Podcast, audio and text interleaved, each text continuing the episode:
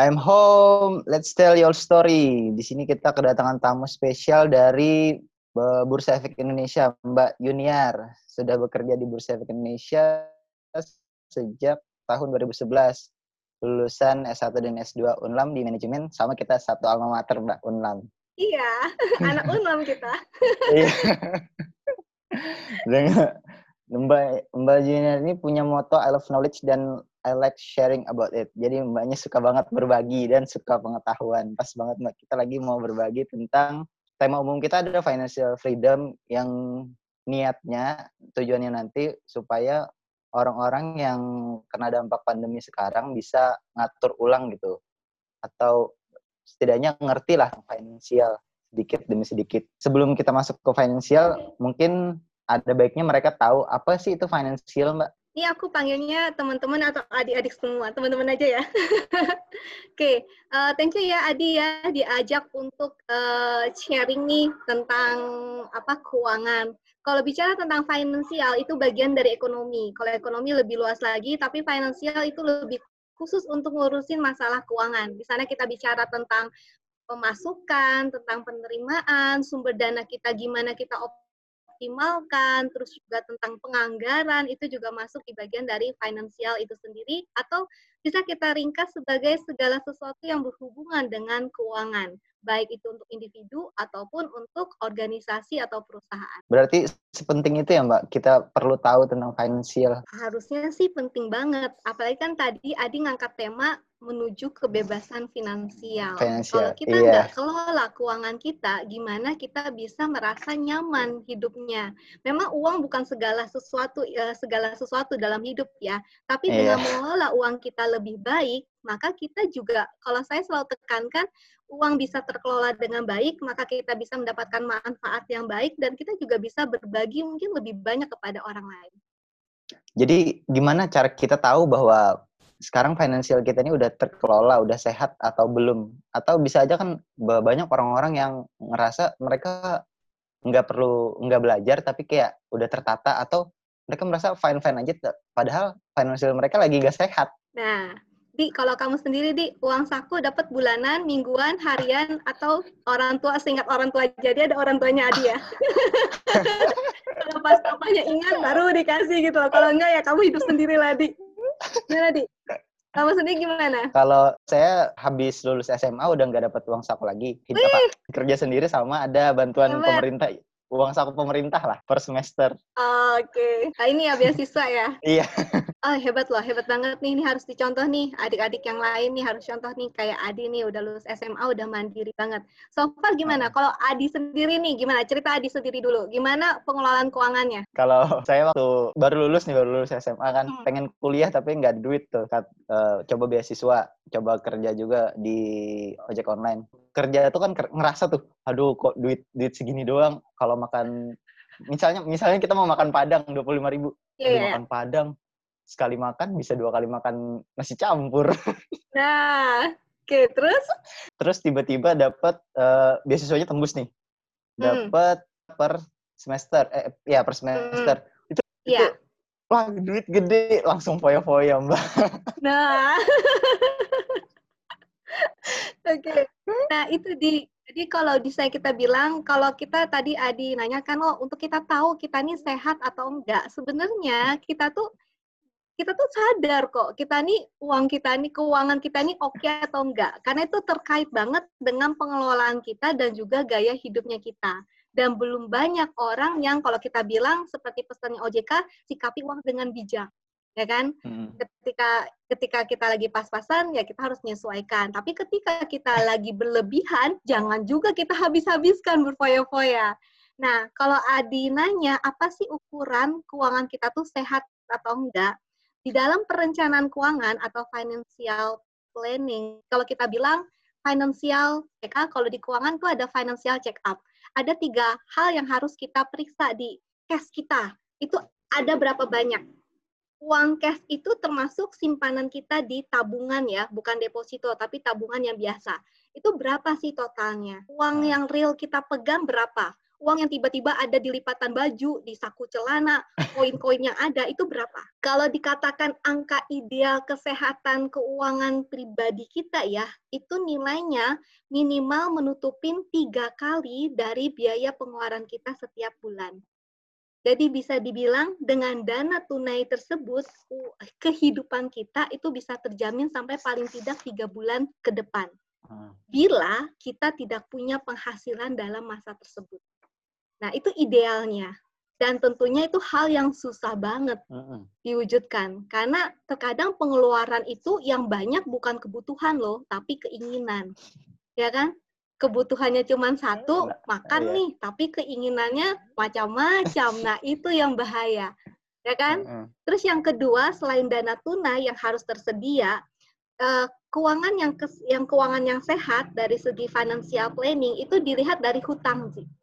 Hutang itu kalau idealnya tidak boleh melebihi dari 40% atau 45% dari total pendapatan kita. Jadi kalau nilai hutang kita udah melebihin itu, itu hati-hati. Kita bisa secara pribadi bangkrut atau kolaps. Gak cuma perusahaan yang bisa bangkrut loh. Hmm. Kita mulai gejala terlilit hutang ketika kita udah menggadaikan uang kita, pendapatan kita yang di masa akan datang yang belum jelas itu untuk membayar cicilan hutang kita. Ya, dan hmm. akan semakin parah lagi ketika kita bayar hutang dengan berhutang lagi dan terus menerus itu itu kita harus benar-benar punya komitmen untuk menstop. Otomatis komitmennya adalah kita akan melakukan penghematan luar hmm. biasa. Ya. Terus poin yang ketiga untuk kesehatan keuangan yang harus kita cek adalah tabungan di. Di perencanaan keuangan, angka ideal setidaknya kita punya tabungan itu 10% dari penghasilan kita, ya. Tapi balik lagi, saya kalau ngajar tentang perencanaan keuangan itu saya selalu tekankan perencanaan keuangan atau financial planning itu adalah seni ya jadi itu nggak bisa menjadi angka patokan untuk semua orang harus seperti itu. Karena kehidupan A, kehidupan B itu berbeda. Pendapatan kita berbeda, gaya hidup kita berbeda, style kita juga berbeda. Tapi yang bisa kita lakukan adalah kita disiplin untuk menerapkannya. Ya. Tabungan tadi maksudnya 10% itu 10% tiap bulan disisihkan gitu kan, Mbak? Dari total pendapatan kita. Oh. Kalau kita punya tabungan 10% dari total pendapatan kita, itu bisa dibilang kategori kita secara keuangan sehat. Tapi harus kombinasi dari ketiganya ya dia. Gak bisa cuma satu yang oke. Okay. Itu kayak kita kalau cek darah, kolesterol kita tinggi, asam urat kita nggak ada, ya kita juga nggak sehat kan? Iya. Seperti itu. uh, misalnya kayak kayak saya pribadi tuh, males lo hmm. buat buat belajar, buat buat ya pokoknya buat buat memahami tentang bagaimana kita ngatur keuangan gitu loh. Pen, seberapa penting banget loh padahal kita buat belajar itu gimana caranya biar kita bisa nyisihin waktu buat belajar yang padahal belajar biasa aja kita males gitu loh, Mbak. Ini belajar ilmu kehidupan loh. Karena kita harus memahami dulu, Ji. Kadang-kadang orang kita nganggap ini bukan hal yang penting karena kita ngerasa ya itu bisa aja lah nanti tinggal disesuaikan aja. Yang tadi, kalau uangnya nggak cukup ya nggak usah beli nasi padang, tapi beli nasi campur aja. Nah, ya kan? Itu kan artinya kan kita terbiasa menyesuaikan diri dengan keadaan yang ada. Padahal keadaan tersebut bisa kita siapkan gitu loh. Kalau kita mau hidup kita sejahtera, saya lebih suka kata sejahtera daripada kaya ya. Karena kalau sejahtera itu kayaknya lahir batin kita tuh bahagia. Tapi kalau kaya belum tentu loh. Kaya bisa aja kita stres, ya kan? Nah, tapi kalau sejahtera itu kita pokoknya nyaman. Nah, eh, dalam kondisi seperti itu, bagaimana itu eh, kita harus ya kata Adi, apalagi anak muda ya, kadang-kadang nggak mikir. Kalau Adi mungkin hmm. it's okay udah dapat punya penghasilan sendiri, udah tahu rasa susahnya punya dapat dapat uang ya kan. Susah banget. Tapi anak yeah. muda secara umum, ya anak muda secara umum mungkin ya enak aja tinggal minta ke orang tuanya atau keluarganya udah dapat uang tanpa dia tahu bagaimana uang itu didapatkan apalagi dalam kondisi pandemi sekarang yang susah banget.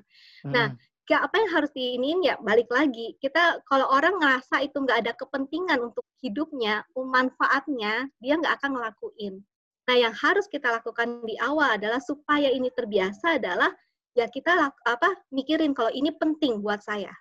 Poin itu adalah poin yang hmm. utama banget. Kalau itu udah penting, maka nggak akan ada keterpaksaan di. Karena memang kita mau nggak mau ketika kita bicara untuk keuangan, kita harus memang sudah mengalokasikan anggaran atau pos-pos. Eh, uang kita mau hmm. ke mana. Terus kita juga mau nggak mau harus ngecek terus, ini benar atau enggak. Eh, akhir bulan, belum sampai akhir bulan, di uh, dompet udah kosong. Di balik udah kayak kopi ya, nggak ada yang jatuh. ya kan? Aduh, ini, aduh ini belum, pernah ngerasain nggak kayak gitu? Pernah, pernah banget. Nah, ya kan? Nah itu itu adalah kondisi yang harusnya udah menjadi warning kita. Mau sampai kapan? Ini Adi masih uh, masih single nih, is okay. Uh, kesusahan Adi, Adi sendiri yang ngerasain. Tapi kalau nanti sudah menikah, kita punya tanggung jawab dengan pasangan. Udah menikah, punya anak, kita tanggung jawab untuk kesejahteraan anak dan pasangan kita. Jadinya pemikiran-pemikiran seperti itu harus kita tanamkan sejak muda sebenarnya. Jadi kalau Adi tanya, gimana langkah awalnya? Ya kita harus menyadarin manfaatnya yang luar biasa buat kita. Ya, karena ingat, sejahtera, kita sejahtera artinya kita juga bisa membantu orang lain bisa lebih sejahtera. Karena ada nilai lebih yang bisa hmm. kita bagi. Siap nggak, Di? Harusnya siap sih. Harus. Itu saya, saya jadi kepikiran waktu waktu pertama kali itu terima beasiswa kan ah ini buat hmm. apa nih aduh kan nggak nggak biasa lo terima uang banyak langsung iya. segepok biasanya kan paling dikasih seratus dua ratus ribu hmm. segepok ah buat apa nih tiba-tiba saya seminggu tuh mbak full KFC McD KFC langsung hedon ya. mbak nah, langsung hedon nah itu masih mending pas kamu lari pas. ke mak masih mending kamu lari ke makanan. Uh, teman-temanmu yang lain pasti yang dapat beasiswa beli handphone tuh. Uh, Upgrade handphone, handphone ya kan? Ada kan? itu terjadi terus menerus mbak jadi kayak kayak jadi kayak jadi habit gitu loh uh, hmm. dapat beasiswa misalnya awal, awal 6 bulan dapat habis di belum belum sampai enam bulan berikutnya sudah tipis banget jadi habis itu saya mikir loh gimana ya biar duit itu nggak habis nah itu terus, bagus itu artinya ada nah, evaluasi. Tapi lama baru udah sampai tiga semester baru kayak evaluasi. Habis Tapi nggak apa-apa di saya... anggaplah kalau kita bilang uang beasiswa itu godaan. Nanti kamu punya penghasilan lebih besar daripada 3 juta, kamu udah bijak tuh gimana nyikapinnya. Itu pentingnya. Ya kan? Iya. Katanya kalau dalam hidup kita harus ada proses belajar jatuh dulu katanya. Iya. Habis itu loh mas saya coba bikin itu dibagi 6 dapat 500 sampai 600 uh-huh. per per bulan saya dapat. Yeah. Nah, itu udah udah benar nggak sih uh-huh. Mbak atau gimana pembagian pos yang benar gitu buat keuangan pribadi? Kayak saya okay. kan berarti cuma dapat 600 ribu lah per bulan. Oke, okay. ini yang menarik sih. Tadi kita kita balik ya, e, gimana ngelola keuangan kita pribadi itu setiap orang nggak ada patokan yang sama. Itu harus diingat ya. Itu balik ke kita masing-masing karena kita punya gaya hidup yang berbeda dan juga kita juga punya style yang apa maksudnya penerimaan yang berbeda, konsep yang berbeda. Nah, kalau untuk kasusnya Adi nih, balik lagi di kamu harus membuat yang pertama dulu tuh list. Kamu buat list satu bulan tuh kamu ngabisin duit itu bakal uh, mau ke mana aja? Kan pasti akan kelihatan tuh tandain lagi stabiloin yang utama yang utama yang utama. Tapi ternyata dihitung total nih lebih dari 600 ribu artinya nah ini ada yang kita hapus ya kan? Itu misalnya makan pentol di muka masjid raya sebelum Jumatan itu dihapus. Artinya nih besok besok Jumat kan, nah besok nggak ada makan pentol dulu sebelum sembahyang, ya kan? Karena ingat loh, jajan itu sebenarnya yang habisin uang kita, yang tadi saya bilang ini dompet atau kopiah dibalik aja nggak ada yang jatuh, itu yang ngabisin uang kita itu bukan kebutuhan utama kita loh. Yang ngabisin uang kita itu jajan. Jadi setelah adilis nih, ya ini teman-teman yang lain juga nih perlu tuh bikin aja listnya. Itu sampai kita nyantai-nyantai aja ya kan. Oh listnya apa nih? Satu bulan tuh oh, kira-kira keluar uang buat apa aja. Pasti yang utama kan kita tahu nih untuk uh, kuliahnya kita, ya kan? Terus yang utama untuk hmm. makan. Makan tapi pun nanti kan ada kategorinya lagi nih. Kalau yeah. jajan terus tiap hari ya habis lah, Di. Terus kalau kayak anak-anak zaman sekarang kan nongkrong di kafe-kafe, bukan hmm. peminum kopi tapi juga nongkrong minum kopi ya kan? Itu kan sesuatu yang punya nilai juga gitu loh. Nilai uang keluar akan lebih banyak dibandingkan kita minum kopi di rumah aja. Sama-sama minum kopi cuman biayanya tentu akan berbeda. Jadi hal yang pertama kali harus Adi lakukan list dulu keuangannya. List pengeluarannya maksudnya. Uang itu hmm. 600 ribu keluar di mana. Ternyata setelah ditulis jumlahnya di alokasi ini nilai-nilainya. Ternyata lebih dari 600 ribu artinya kamu harus belajar ikhlas menghilangkan apa yang kamu nyaman itu untuk nggak dilakuin. Karena ini belajar ya. Kalau nggak kita mulai dari sekarang nanti kita akan terbiasa seperti itu terus sampai kita dewasa. Karena faktanya uh, saya sering ngajar juga untuk para pensiunan untuk pengelolaan keuangan. Banyak yang sudah mau pensiun itu malah bingung. Karena dia masih ada beban pinjaman kredit dia juga punya beban anak yang masih kuliah nah sedangkan nggak ada dana untuk menjaga kehidupannya di luar dari gaji yang akan diterima setiap bulan. Kalau masih produktif, masih hmm. kerja kan kita tiap bulan terima nih, ya kan? Awal gajian hmm. senyum, tengah-tengah udah mulai kusut, akhir bulan udah kusut banget, ya kan? Tapi yeah. kalau udah pensiun kan nggak bisa lagi ngerasain itu di karena terbatas segala sesuatunya. Jadi harus muter otak. Nah, supaya kita yang muda-muda nih, Adi nih yang muda dan teman-teman Adi yang muda-muda nggak ngalamin seperti itu, nggak ada salahnya. Dari sekarang di make it simple dan nyaman. Dengan cara apa? Ya kita nyantai aja. Karena ketahuan kok, ketahuan yang mana yang penting, mana yang enggak. Mana yang prioritas, mana yang enggak. Tapi kalau aku sendiri, aku suka kasih kayak gini, Di. Kan 600 ribu nih sebulan. Eh, ternyata aku bisa hemat 50 ribu aja bulan ini nih, misalnya Agustus. 50 ribu ya. itu aku akan simpen. Terus bulan depan, aku bisa hemat lagi nih di 20 ribu. Itu aku simpen. Bulan ketiga, aku bisa gunakan uang itu untuk kayak ngetrit aku gitu loh. Kalau cewek oh, misalnya kasih, ke salon kasih reward. atau jajan, ya jajan yang, aduh nih udah dua bulan nih puasa nggak jajan itu, aku treat itu kayak kayak rewardnya kita, ya itu bisa uh. karena segala sesuatu kan harus ada reward, ada punishment juga. Jadi buat sesuatu yang nyaman buat kita, tapi tetap terkontrol. Bisa nggak di? Habis list pengeluaran, selanjutnya apa, Mbak? Alokasi dananya karena kan kamu punya cuman ada budget 600 ribu nih sebulan, alokasi dananya. Di list pengeluaran itu sudah harus ada tercover untuk tabungan di kalau kamu misalnya ada beli handphone nyicil sebulan 10 ribu, ya itu harus dimasukin juga. Harus masukin juga. Dan biasanya kalau kita ngelis kayak gitu, kita kelihatan banget minusnya. Ya? Iya, bener. Jajan itu untuk sisa ya.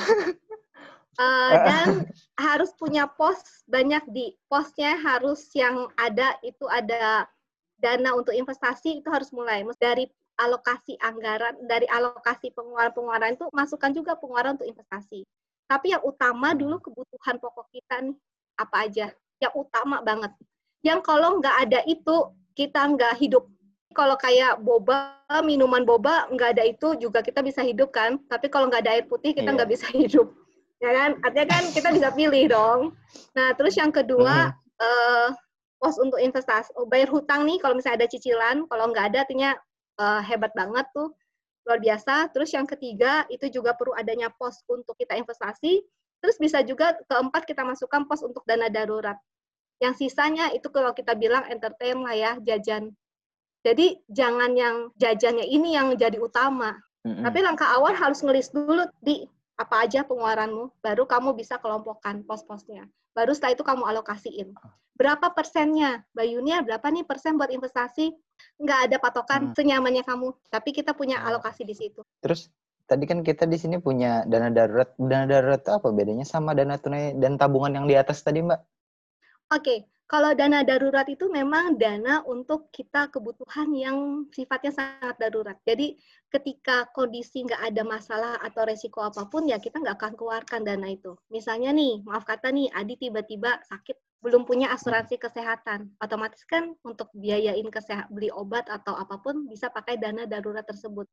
Tapi bila kondisi so far so good, ya dana darurat itu juga jangan dipakai.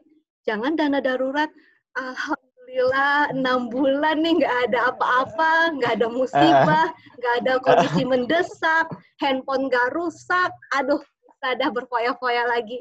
Jangan, biarkan dana darurat tuh nambah terus, nambah terus, nambah terus. Ya, oh, iya. karena kita nggak pernah tahu apa yang terjadi di depan. Jadi nggak ada salahnya kita punya dana tersebut. Ya, di Nah, kalau tabung dana Ya. darurat tuh kamu bisa simpan terserah eh, mau dibuka tabungan sendiri yang baru atau kamu punya tempat penyimpanan khusus di rumah pun itu nggak masalah ya. Yang penting itu mudah untuk kalau misalnya perlu kan kalau darurat kan emergensi itu kan sewaktu-waktu. Kamu mudah Hmm. untuk mengeluarkannya. Nah kalau tabungan itu memang kita simpen. Simpan dan umumnya itu masih bisa untuk kita kebutuhan kita sehari-hari. Masih bisa tapi kalau mau kita tabung aja nih untuk istilahnya itu, kalau saya ada kebutuhan di masa yang akan datang, saya tinggal pakai itu. Misalnya nih, Adi mau beli sepeda, sepeda Brompton ya, yang mahal, Yang mahal. biar kekinian. Yang Nah, 12 juta. itu gila ya. Nah, itu apa? eh, padahal juga capek juga goesnya. Nah, itu kita bisa apa? Bisa apa? Bisa pakai tabungan itu. Jadi kalau pakai uang tabungan nggak sekarang gitu loh. Ji. Itu Ah. mengontrol kita nggak menghabiskan uang kita untuk sesuatu di luar kebutuhan utama. Paham nggak di Oh, iya. tabungan tuh? Paham, paham. Ya, misalnya nih Adi tahu, oh semester depan nih laptop nih harus di-upgrade, diganti. Heeh. Kita jangan nunggu uang kita di semester depan, jangan nunggu itu, tapi kita udah nabung aja nih uang-uang tabungan kita yang bisa kita pakai untuk itu nantinya. Jadi ada kebutuhan di masa akan datang yang bisa kita penuhi dengan tabungan kita saat ini. Tabungan itu berarti eh, punya tujuan yang mau dicapai Hmm. kita tabung. Tapi kalau dana Mm-mm. darurat itu sesuatu yang Mendadak kita simpan buat mendadak, buat hal yang musibah. nggak kita duga gitu ya. Nah, musibah. Benar, tepat sekali. Tapi jangan dihabisin ya. Kalau eh bulan ini nggak ada, yes bulan depan ada duit tambahan buat jajan. Jangan. Biarkan itu nambah terus. Kalau tabungan Hmm. 10% dan darurat 10% juga kan, Mbak? Atau Nggak ada, nggak ada patokan, bebas aja. Tadi yang saya bilang 10% di awal itu adalah kondisi ideal ya. oh kondisi Tapi perencanaan keuangan itu seni. Jadi gimana kita ngatur finansial kita itu seni. Balik ke sendiri. Ah. Adi enaknya nih hati nyamannya nyisihin berapa. Kamu mau naruh 20% dari penghasilanmu silahkan. Tapi tentunya ada konsekuensinya. Pengeluaranmu khususnya untuk hiburan atau Potong. entertain itu pasti terbatas. Kayaknya perlu satu pos lagi deh di yang tadi eh, belum kesebut asuransi di. Oh, asuransi. Kamu udah punya BPJS belum? Udah, Nah ya udah. Tapi kan bayar tiap bulan kamu atau orang tua yang bayarin? ah, pemerintah. Gak bisa dong, kan BPJS kan ada iuran dari kita. Eh, kayaknya orang tua berarti. Nah ya udah, artinya kamu masih apa bersyukur lah, makasih ya abahnya adik udah bantu. Nah itu kamu perlu Iya. cek deh. Atau kalau kamu mau nanti kelak nanti udah bekerja punya penghasilannya lebih stabil, misalnya kamu kerja di perusahaan, biasanya kamu juga dapat asuransi kesehatan dari perusahaan. Kalau nggak dapat dari perusahaan, nanti kamu bisa ambil asuransi swasta yang istilahnya untuk mensupport kesehatan itu akan lebih punya eh, ganti. Banyak orang kita takut asuransi karena nganggap itu sesuatu yang belum penting. Padahal ketika kejadian tuh penting banget. Aku Hmm. ngerasain banget di, eh, aku pernah sakit TB kan itu hampir dua tahun, eh, lewat dua tahun aku harus berobat. Aku dalam tiga bulan itu bisa masuk rumah sakit tuh bolak-balik. Sekali masuk rumah sakit aja itu udah habis sampai 20 jutaan. Kebayang kalau Oh. nggak ada asuransi. Dana darurat kita langsung minus di. Tapi kalau kita Ah, ah. punya asuransi itu bisa tercover dengan asuransi. Tapi ketika membeli produk asuransi kita harus baca jelas-jelas. Ya, polisnya bagaimana, pelindungannya sejauh apa, berapa saya harus bayar. Ya.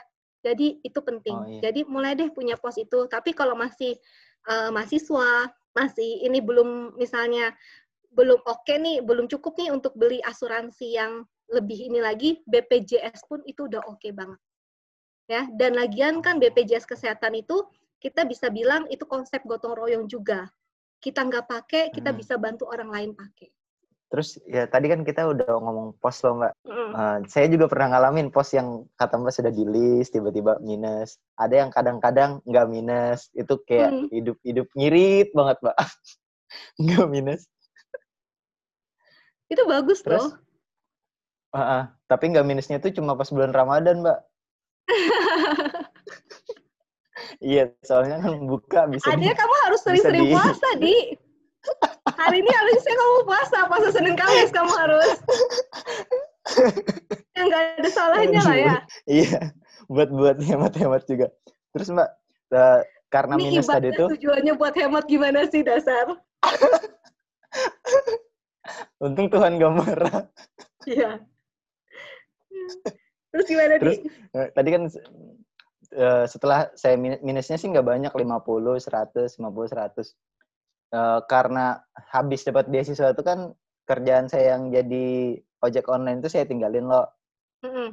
terus Udah kaya sih, setelah iya.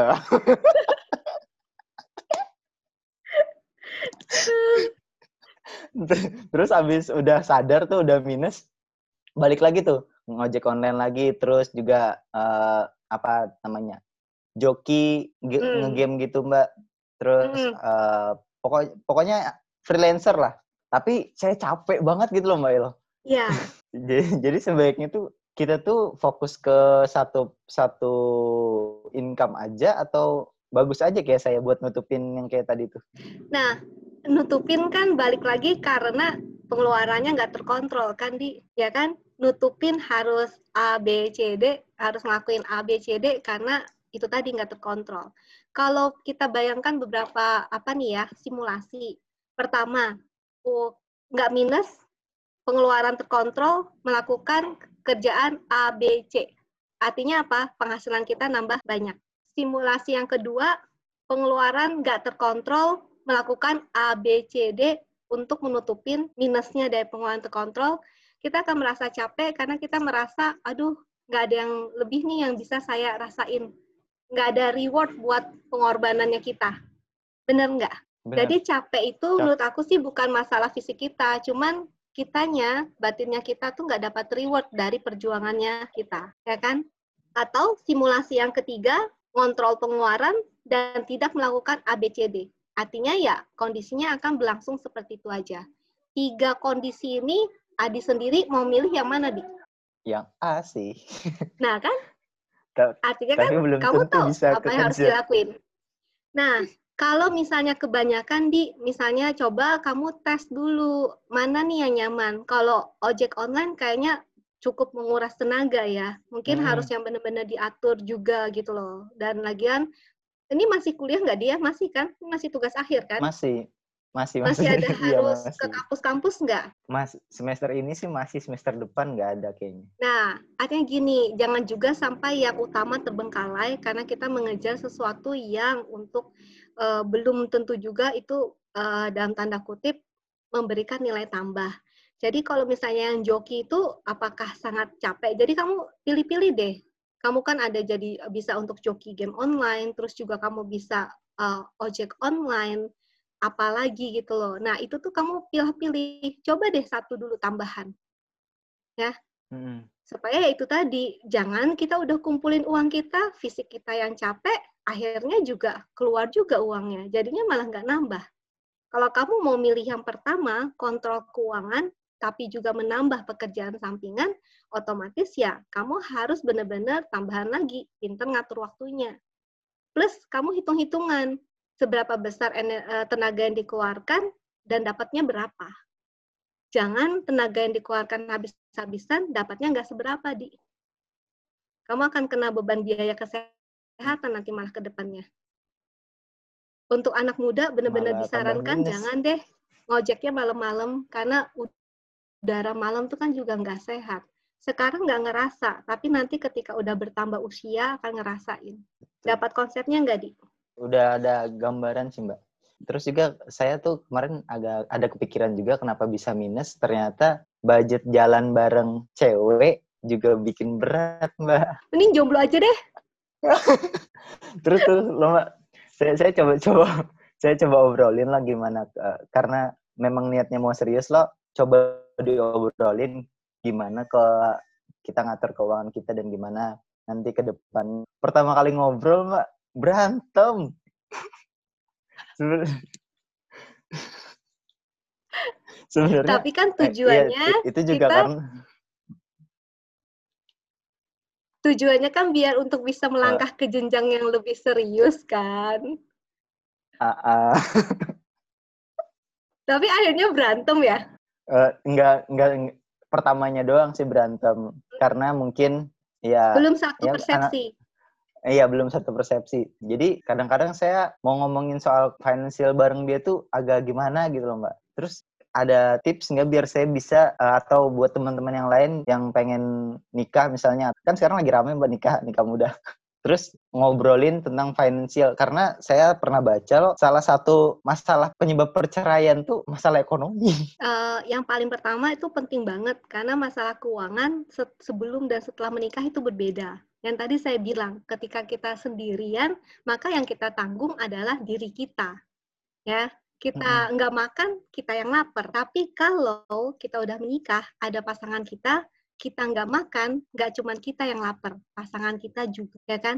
Jadi masalah keuangan itu tuh penting banget dibicarakan di awal, termasuk pengaturannya. Menurut aku sih Adi udah oke okay banget ya, masih pacaran aja udah ngomong. Mungkin kalian bisa ngobrol dari yang simple aja. Kita seminggu nih atau sebulan kita nih bakal hangout apa ke kafe atau makan KFC, McD atau apa kek sebagai reward uh. kita itu berapa kali gitu loh. Atau yang kita cuma nongkrong di warteg itu bisa nggak?